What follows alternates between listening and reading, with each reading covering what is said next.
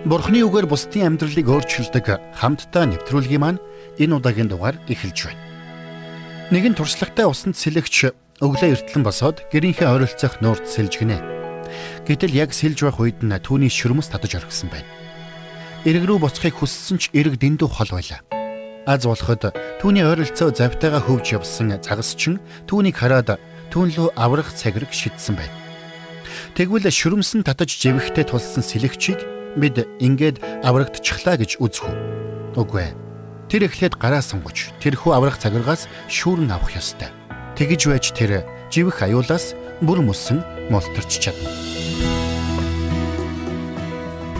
Тэгвэл хүн төрлөختнийг аврахаар ирсэн Есүс Христ бол хүн төрлөختн лөө бурхны илгээсэн цорын ганц аврах цагираг гэдгийг доктор Стенли бидэнд сануулж байна. Тэр биднийг гимнүглийн тэнгист живхээс аврах авралын цагираг юм.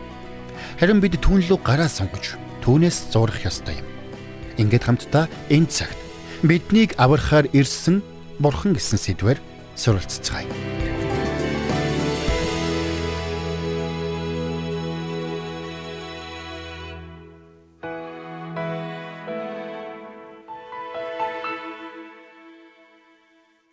Бурхны үгэнд гардаг хамгийн агуу хамгийн гайхамшигтай утга санаа нь юу юм бэ? Библиэлд маш олон утга санаанууд гардаг боловч тэдгээрийн дундаас нэг утга санаа бусдаасаа илүү өндөр, илүү агуу гэдэгт би итгэдэг. Тэгвэл тэр гайхамшигтай утга санааг ойлгохын тулд эхлээд хамтдаа Еврей номын 1-р бүлийг гаргаад харъя. Еврей 1-ийн 1-ээс 3 дээр Эрт үед иш үзүүлэгчдэр дамжуулан эцэг өвгдөд олонтой бас янз бүрийн арга замаар айлтсан бурхан эдгээр эцсийн өдрүүдэд бүхний өвлөгчөөр томилсон ертөнцийг бүтээсэн хүүгийнхээ дотор бидэнд хандаж хэлвэ гэсэн байна. 3 дээр нь түүний цог жавхлангийн гэгээ түүний мөн чанарын бодит илрэл ба эрх мэдлийнх нь үгээр бүхнийг хүү барьдаг болоо. Тэр нүглийн ариусгалыг гүйцэтгээд өндөрт байгч сүр жавхлантын баруун гарт заларваа гэсэн байгаа юм.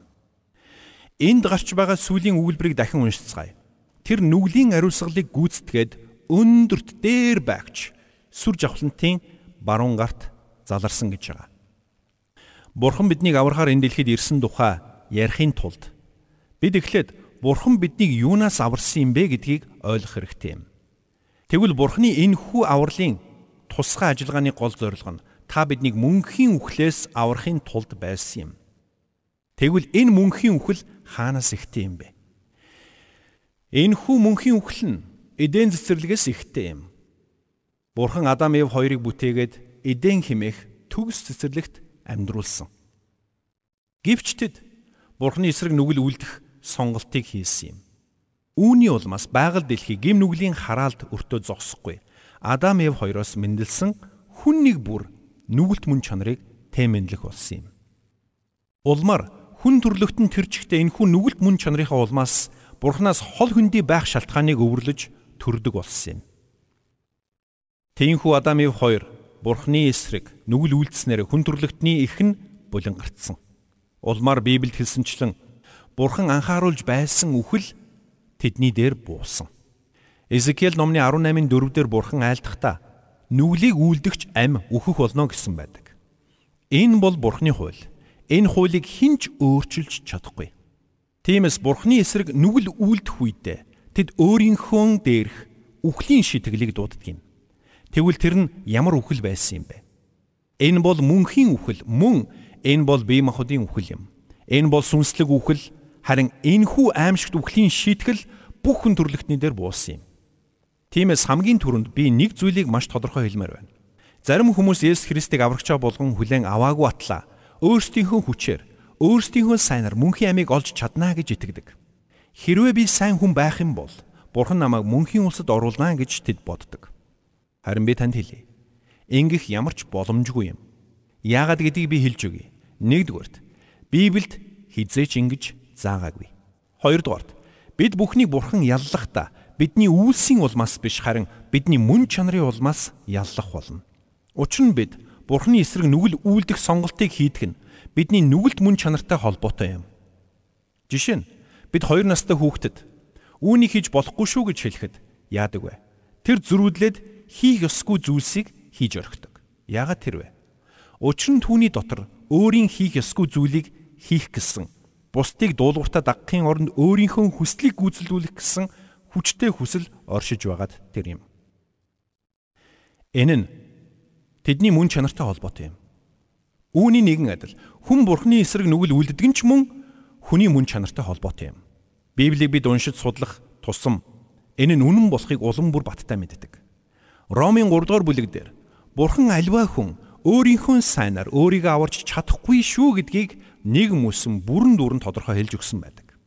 Ромын 3:10-ыг харах юм бол энэ нь ингэж бичигдэжээ. Зөвхт хүн алга, бүр ганц ч алга. Харж байна уу? Өөрөөр хэлбэл Бурхны мэлмид өөрийнхөө сайнаар хүлээн зөвшөөрөгдөж чадах хүн ганц ч байхгүй гэдгийг энд Паул хэлсэн байна. Үргэлжлүүлээд 11 дугаар ишлэгийг уншийе ухаардаг бурхныг эрен хайдаг нь ч алгаа гэсэн байна. Юу гэж хэлсэн бэ гэвэл бурхны сүнс ятгаж бурхан өөрийгөө бидэнд илчилж өгөхөөс нааш бид бурхны замуудыг ойлгож ухаарч чадахгүй гэдгийг мөн энд хэлсэн байгаа юм. Түүгээр зогсохгүй өөрийн санаачлагаар бурхныг ирж хайдаг хүн нэг ч алга гэдгийг энд хэлсэн юм. Үнэн дээр Есүс Христэд итгэж бурхныг хүлээн авсан хүмүүс бүгд л ариун сүнсний санаачлагаар мөн ариун сүнсний ятгалаг илчлэлтээр дамжуулан Есүс Христийг хүлээн авсан байдгийг. Ариун сүнс тэдний гим нүглийг тэдэнд ухааруулж Бурхан тэдэнд хэрэгтэй гэдгийг тэдэнд ойлгуулсан учраас тэд Бурханд итгэсэн юм. Цааш нь харах юм бол 12 дугаар ишлэлдэр бүгд гажиж цөмөөрөө хэрэггүй болжээ. Сайныг үлддэг нь алга бүр ганц жалгаа гэсэн байна. Сайныг үлддэг хүн маш олон байгаа шүү дээ гэж та бодож байна уу? Үгүй ээ. Энд сайныг үлддэг нь алгаа гэж хэлэхдээ Бурхны мэлмид хүлээн зөвшөөрөгдөх хэмжээний сайныг үлддэг хүн алгаа хэмээн хэлсэн байгаа юм. Өөрөөр хэлбэл Бурхан хүмүүсийн сайн үйлсийг харахтаа энэ хүн ийм сайн зүйл хийсэн учраас би энэ хүнийг аварнаа гэж хэлээгүй гэсэн үг юм. Библийн хаан ч ийм үг байхгүй.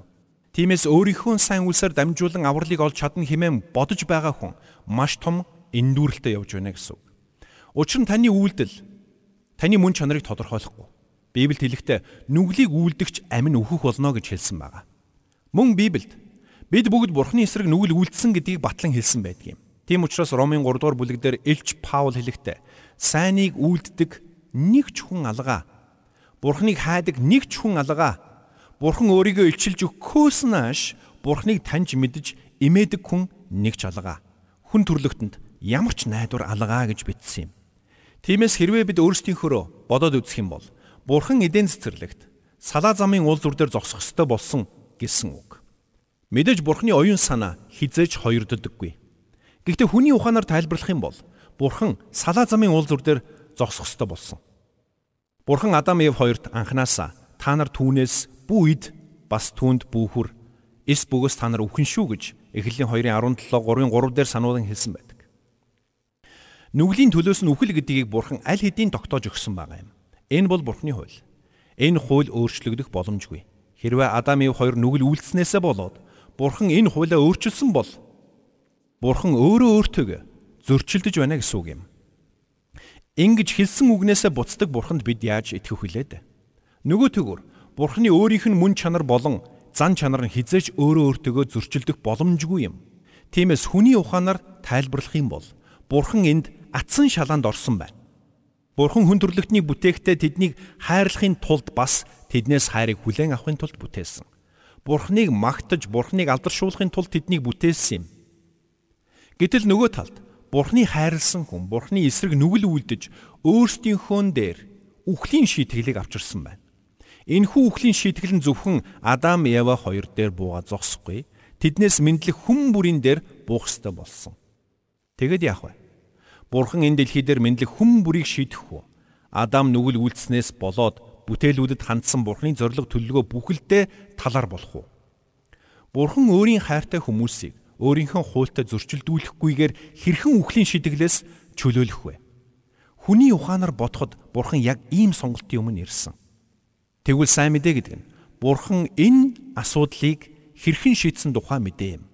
Бурхан бидэнд хайртай учраас бидний цөхрөнгөө барсан нөхцөл байдал донд бидэнд авралын гараар сунгасан. Бурхан бүх хүн төрлөختнийг аврахын тулд авралын тусгай ажиллагааг явуулсан юм. Библиэд Эфесийн 2-ын 1-д хэлэхдээ та нар алдаа зөрчил нүглийнхээ учир үгсэн байсан гэсэн байдаг. Энэ нь хэдийгээр бид бие махбодын хувьд амьд байх боловч сүнсээрээ үгсэн гэсэн үг юм. Гэтэл бид бурхантай харилцахдаа биеэрээ биш сүнсээрээ харилцдаг. Тиймээс альва хүний сүнс нь үхмэл бол тэр хүн бурхантай харилцаж чадахгүй юм. Тиймээс тэр хүн биеэрээ хичнээн сайныг үйлдсэн ч бурхны өмнө хүлээн зөвшөөрөгдөж чадахгүй. Бурхны ариун сүнс биднийг ятгах бидэнд бурхны үннийг илчилж өгөхөөс нааш бид өөрийн хүчээр бурхныг таньж мэдэх ямар ч боломжгүй гэсэн үг юм. Тиймээс хүн төрлөختөн бид яаж шижээсэн өөрийн хүчээр өөрийгөө аврах ямар ч боломжгүй гэдгийг бид ойлгох хэрэгтэй. Хэрвээ та сайныг үлдээд сайн хүн болоод авралыг олно гэж бодож байгаа бол уучлаарай. Энэ нь ямар ч боломжгүй юм. Учир нь асуудал таны зам байдал, үйл хөдлөлд оршиж байгаа юм биш. Харин таны мөн чанар, сүнсний нөхцөл байдалтай холбоотой юм. Тиймээс ч Бурхны авралын төлөвлөгөө нь нийт хүн төрлөختөнд чиглэсэн байдаг юм. Учир нь хүн төрлөختөн бүхэлдээ аврагдах ямар ч найдваргүй нөхцөл байдал донд амьдарч байсан. За тиймээс Бурхны авралын төлөвлөгөөтэй холботойгоор миний танд хэлхийг хүсэж байгаа хоёр дахь чухал санаа бол Бурхан энэ бүхнийг ертөнцийн суйраас ч өмнө төлөвлөсөн явдал юм. Өөрөөр хэлбэл Адам Ява хоёрыг нүгэл үйлдэх үед Бурхан цочирдон сандарч би одоо яах болж байна? Эднэр юу хийчих вэ хэмээн толгоогоо маажаагүй гэсэн үг. Учир нь Бурхан энэ бүхнийг аль хэдийн мэдэж байсан. Хамтдаа Библийн хэд хэдэн ишлэлийг гарган уншицгаая. Эдгээр ишлүүд нь таны дотор Бурхныг хайрлаж, Бурхныг хүндэлж, түүнийг алдаршуулж, түүнийг бусдад хуваалцах хүслийг төрүүлнэ гэдэгт би үнэхээр итгэж байна. Учир нь бид Бурхны арга замуудыг ойлгож ухаарах тусам Бурхныг хайрлах бидний хайр улам бүр нэмэгддэг юм. Та бодоод үзээрэй. Бурхан биднийг энэ ертөнцийн суйраас өмнө сонгосон гэд. Гайхамшигтай биш гэж юу? Ингээд хамтдаа Библийг нэгэд харъя. Эфес номын 1-р бүлгийг хараад харъя. Та миний унших ишлүүдийг надтай зэрэг гаргаад уншаад яваарай. Учир нь энэ ишлүүд маш чухал юм шүү. Би дахин хэлье Эфес номын 1-р бүлгийг. Нэгээрээ Паулинд юу гэж хэлснийг хамтдаа харцгаая. Эфес номын 1-р бүлгийн 3-аас 5 дугаар ишлэл. 3-аас 5. За би танд дуудаж өгье. Бидний эзэн Есүс Христийн эцэг бурхан магтагдах болтугай. Тэрээр Христ дор Тэнгэрлэг оршихуйдах алив сүнслэг өрөөлөөр биднийг өрөөсөн юм. Түүний өмнө биднийг хайр дор ариун бөгөөд гим зэмгүй байхын төлөө Бурхан ертөнцийн суйраас урд биднийг Христ дотор сонгосон юм а. Тэрээр хүслийнхээ сайн тааллын дагуу биднийг Есүс Христээр дамжсан үрчлэлд урдаас тогтоожээ гэсэн байна. Эндээс харуул Бурхан биднийг цөхрөнгөө барсан нөхцөл байдлаас мань аврахын тулд ертөнцийн суйраас өмнө төлөвлөсөн байсан гэсэн үг юм. Энэ нь Бурхан таныг ертөнцийн суйраас өмнө аврахаар сонгосон гэсэн үг юм. Үүгээрт зогсохгүй. Бурхан таныг Есүс Христээр дамжуулан өөрийн гэр бүлийн гишүүн болгон үрчилж авахаар урдаас тогтоосон байна. Хэрвээ Бурхан үнийг ертөнцийн суйраас өмнө тогтоосон юм бол энэ нь таны сайн үйлстэй ямар ч холбоогүй гэсэн үг юм. Яагад гэвэл энэ шийдвэр гарах үед энэ дэлхий мэдлээгүй байсан. Энэ бол Бурханы агуу зориг болон түүний агуу хайранд тулгуурласан түүний онцгой шийдвэр байсан юм. Өөрөөр хэлбэл Бурхан Есүс Христийг аврагчаа болгон хүлээн авах хүн бүрийг урдаас мэдэж байсан гэсэн үг юм. Гэхдээ Бурхан үүнийг урдаас мэдсэн гэдэг нь Бурхан үүнийг хүмүүсээр хүчээр хийлгсэн гэсэн үг биш юм. Библийн хаанч Бурхан энэ хүнийг там руу харин энэ хүнийг мөнхийн улс руу явуулахаар сонгосон гэсэн үг байхгүй. Библиэд ийм утга санаа бүхий ишлэл нэгч байхгүй. Хэрвээ бурхан анханасаа зармийг нь аврахаар зармийг нь мөхөөхөөр сонгосон юм бол тэр хэнийг ч мөхүүлэхийг хүсэхгүй бүгдийг гимшилд ирээсэй хэмээн хүсэж та нарт төвчээртэй ханддаг гэж бичгүй байх байсан юм. Цаашлбал Ромын 10-ын 13 дээр Паул хэлэхдээ учир нь эзний нэрийг дууддаг бүхэн аврагдах болно гэсэн байдаг. Хамтдаа Иохны 3:16-г эргээс саний.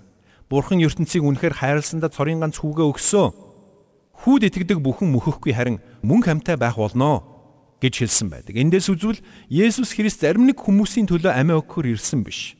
Харин бүх хүмүүсийн төлөө амиа өгөхөөр ирсэн байна.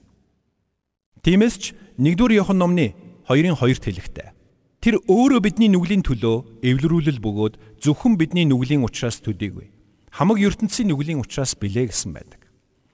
Энэ бүхнээс үзвэл Бурхан та биднийг энэ ертөнцийн суйраас ч өмнө сонгосон байх нь. Энэ нь таны сайн үйлстэй ямар ч холбоогүй. Бурхан зүгээр л таныг ертөнцийн суйраас өмнө өөрийн гэр бүлийн гишүүн болгохоор урдаас тогтоосон байна. Тэгвэл биднийг мэдлэхээс ч өмнө бидний төлөө хийсэн Бурханы энэ агуу үйлсийн улмаас өөрсдөө сарих ямар ч шалтгаан байхгүй. Цааш нь үргэлжлүүлээд харах юм бол 2 дугаар Тимот номыг гаргаад харъя. Энд Паул дээрх утга санааг арай өөр байдлаар илэрхийлэн бичсэн байна. Хамтдаа 2 дугаар Тимотийн 1-ийн 8-аас 10-ыг харъя. Тиймээс бидний эзний гэрчлэлээс ч түүний хоригдл надаас ч бүү ич. Харин Бурхны хүчээр сайн мэдээний төлөө надтай хамт зов. Тэр биднийг ажил үйлсээр маань бус харин өөрийнхөө зориг болон үн мөнхөөс Христ Есүс дотор бидэнд сойрхсон нэгүслийн дагуу аварч ариун дуудлагаар дуудсан юм а. 10 дээр нь Харин идүүгээ энэ нь бидний аврагч Есүс Христийн үзэгдснээр илчлэгдэжээ. Үхлийг тэр хүчингүй болгож ам ба мөхшгүй байдлыг сайн мэдээгээр гэрэлд авчирсан юм а гэсэн байна. Паулинд юуны тухай өгүүлсэн байна гэж Паулын тэлэгт Бурхан биднийг ариун дуудлагаар дуудсан гэсэн байгаа юм. Ингэхдээ тэр бидний үлсийн улмаас бус харин өөрийнхөө зориг болон үн мөнхөөс Есүс Христ дотор бидэнд сойрхсон нэгүслийнхээ дагуу дуудсан гэдгийг Паул онцолсон байна. Тэгвэл бурхан энэ зорилгоо хизээ тогтоосон юм бэ? Үн мөнхөөс буюу ертөнцийн суурьас өмнө бурхан өөрийн сонголтыг ертөнцийн суурьас өмнө хийсэн байна. Цааш нь үргэлжлүүлээд хамтдаа үлсийн 2 дугаар бүлгийг гаргаад харъя. Элч Петр Пентекостийн өдөр нэгэн гайхамшигтай номлол хийснийг та бүхэн санаж байгаа. Тэгвэл хамтдаа энэхүү номлолын нэг хэсгээс нь харъя. Үлсийн 2 дугаар бүлгийн 22-оос 24 дугаар ишлүүдийг харъя. 22 дээр нь Израиль ирчүүдээ эдгээр үгсийг сонсцгоо. Та нарын мэдсэнчлэн Бурхан та нарын дунд түүгээр үйлдсэн хүчрэг үйлс гайхамшиг болон тэмдгүүдээр Бурханаас та нарт илэрхийлсэн хүн нь Назарын Есүс бөгөөд тогтоосон шийдвэр ба урдаас Бурханы мэдсний дагуу тушаагдсан түүнийг та нар хуйлгүчүүдийн гараар хадаж алсан. Та анзаарч байна уу? Энд Есүс Христ дайснуудынхаа гарт тушаагдана гэдгийг Бурхан аль хэдийн төлөвлөсөн байсан гэдгийг Петр хэлсэн байна. За ингээд 23 24-ийг харъя. Тогтоосон шийдвэр ба урдаас Бурханы мэдсний дагуу гэж байгааз тушаагдсан түүнийг та нар хуйлгүчүүдийн гараар хадаж алсан. 24 дээр нь тэрээр үхэлд автсаар байх боломжгүй тул Бурхан үхлийн шаналлыг устгаж түүнийг амьлуулваа гэсэн байгаа юм. Пентхустийн өдөр хийсэн номлолдоо Петр нэгэн чухал зүйлийг хэлсэн байгаа биз? Бурхан Христийн загалмаан үхлийг ертөнцийн суурьас өмнө төлөвлөсөн байсан гэдгийг. Та нар өөрсдийн гараар Христийг цовдлсон боловч үүнийг та нар хийгээгүй. Бурхан үүнийг чинь аль эртнээс төлөвлөсөн байсан юм. Хэдийгээр хүмүүсийн гар Христийг цовдлсон боловч эцсийн эцэст үүнийг хийсэн нэг нь Бурхан өөрөө юм гэж Петр тунхагласан байна. Тэгвэл Бурхан биднийг аврах сонголтыг хизээ хийсэн юм бэ? ертөнцийн суурьас өмнө тэр хүн төрлөختнийг аврах төлөвлөгөөгөө хизээ боловсруулсан юм бэ? ертөнцийн суурьас өмнө. Тэр энэ бүх төлөвлөгөөгөө хизээ хэрэгжүүлж эхэлсэн юм бэ? ертөнцийн суурьас өмнө. Тиймээс хүмүүс бидний авралын гавьяг хүртэх зохистой нэг нь гагцхүү бурхан өөрөө юм. Тиймээс бидний хувьд өөрсдийн авралын төлөө бурханыг магтаж, бурханд чин сэтгэлээсээ талархахаас өөр юу ч хийж чадахгүй юм. Учир нь бурхан биднийг үйлсээр мань бус харин өөрийнхөө нэгүслэр аварсан юм. Тэгвэл бурхан таныг яагаад сонгосон юм бэ? Тэр таныг ертөнцийн суурьас өмнө хэрхэн урдаас мэдсэн юм бэ? Таныг ертөнцийн суурьас өмнө сонгож, таныг ертөнцийн суурьас өмнө өөрийн гэр бүлийн гишүүн болгохоор сонгосон. Танд тийм их хайртай юм. Бурхан бүгдийг мэддэг. Бурханы хязгааргүй мэдлийг бид юугаарч гайхшруулж чадахгүй. Учир нь тэр бүгдийг мэддэг юм. Тиймээс бид түүний хүлээлтэд хүрэхгүй байна гэсэн ойлголт байхгүй. Учир нь Тэр биднийг биднээс өөрсдөөс манч илүү сайн мэдэж байдаг юм. Тиймээс та би Бурхны урмыг дахиад л хуучлаа гэж бүү бодорой. Учир нь Бурхан ертөнцийн сүрээс өмнө таныг энэ дэлхийд мэдлэхээс ч өмнө таныг таньж таныг сонгосон юм. Бид түүний өмнө очиод Бурхан минь ээ би үүнийг дахин хизээж хийхгүй гэж харамсан халгалнаа гэдгийг тэр сайн мэдэж байсан. Тэр анханасаа мэддгийм энэ бүхнийг. Бид Бурхныг юугаарч гайхшруулдаггүй бөгөөд юугаарч урмыг нь хугалдаггүй юм. Учир нь Бурхан биднийг анханасаа мэдэж байсан. Бурхны нэгүслийн гайхамшиг жухамдаа үүнд л оршиж байдаг юм. Тэр бидний гим нүгэлтэй сулдроо гэдгийг ертөнцийн сураас өмнө мэдэж байсан. Гэсэн ч тэр биднийг сонгосон юм. Энэ бол үнэн дээр бидний оюун ухаанаас давсан гүн гүнзгий ойлголт юм. Бурхан минь би үүнийг дахиж хизээж хийхгүй гэж амлаж байна хэмээн хэлхийг чинь мэдсээр байж бурхан биднийг сонгосон юм. Тэр биднийг ертөнцийн сураас өмнө сонгоо зогсохгүй. Бидний төлөө өөрийн цорын ганц хүүг загалмай дээр цовдлох сонголтыг ертөнцийн сураас өмнө ч хийсэн юм. Энэ бол биднийг аврах Бурхны төлөвлөгөөний нэг хэсэг. Эцэст нь хамтдаа Илчилт номын 20 дугаар бүлгийг гаргаад харъя. Эхлээд Илчилт номын 13 дугаар бүлгийг гаргаад харъя. Мөн дараа нь Илчилтийн 17-оос харна.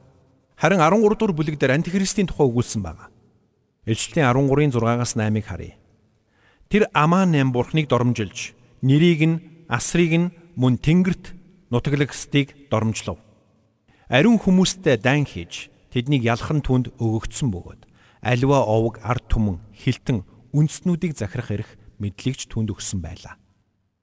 Алагдсан хурганы амийн номонд ертөнцийн сураас хойш нэр нь бичигдээгүй. Дэлхий дээр нутаглагч бүх хүн түнд мөргөнөө гэсэн байна.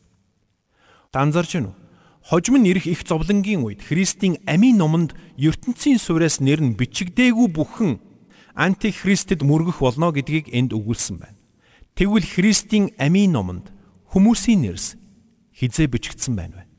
ертөнцийн суурьас гэж хэлсэн байгаа үз. Илчилт номын 17-гийн 8-ыг харах юм бол чиний харсан араат нь байсан боловч одоо байхгүй.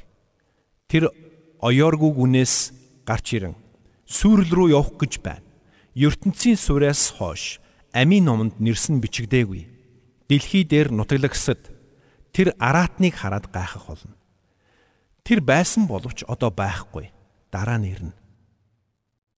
За тэгэхээр та харж байна уу?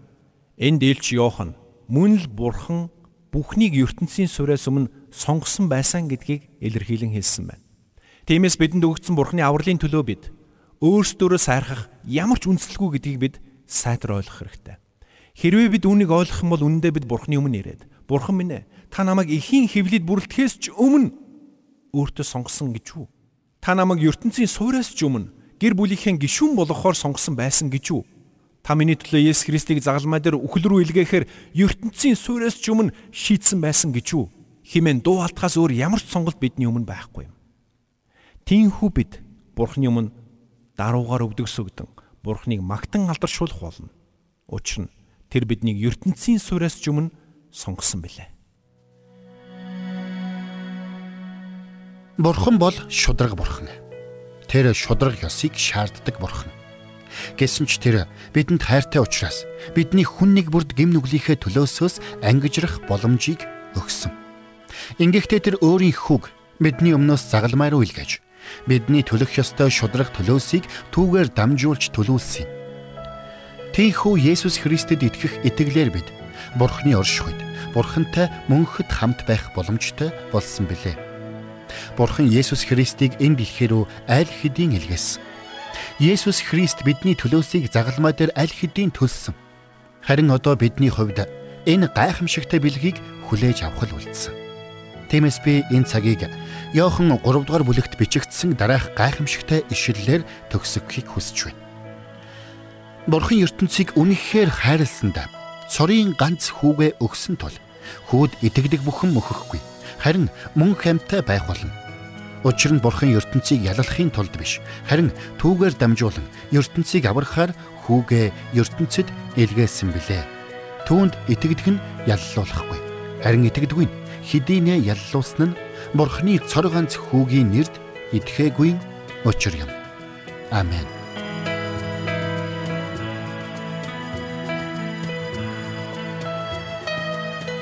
Бурханд тэмүүлсэн сэтгэл хүмүүсийг энэрх зөрхөөр амьдрахад туслах номлогч доктор Чарлз Стенлигийн хамттай нэвтрүүлэг сонсогч танд хүрлээ. Нэвтрүүлгийг дахин сонсохыг хүсвэл ихтгэл радиоцик.com-оор зочлоорой. Бидэнтэй холбогдохыг хүсвэл 8085 99 тэгтэг дугаард хандаарай.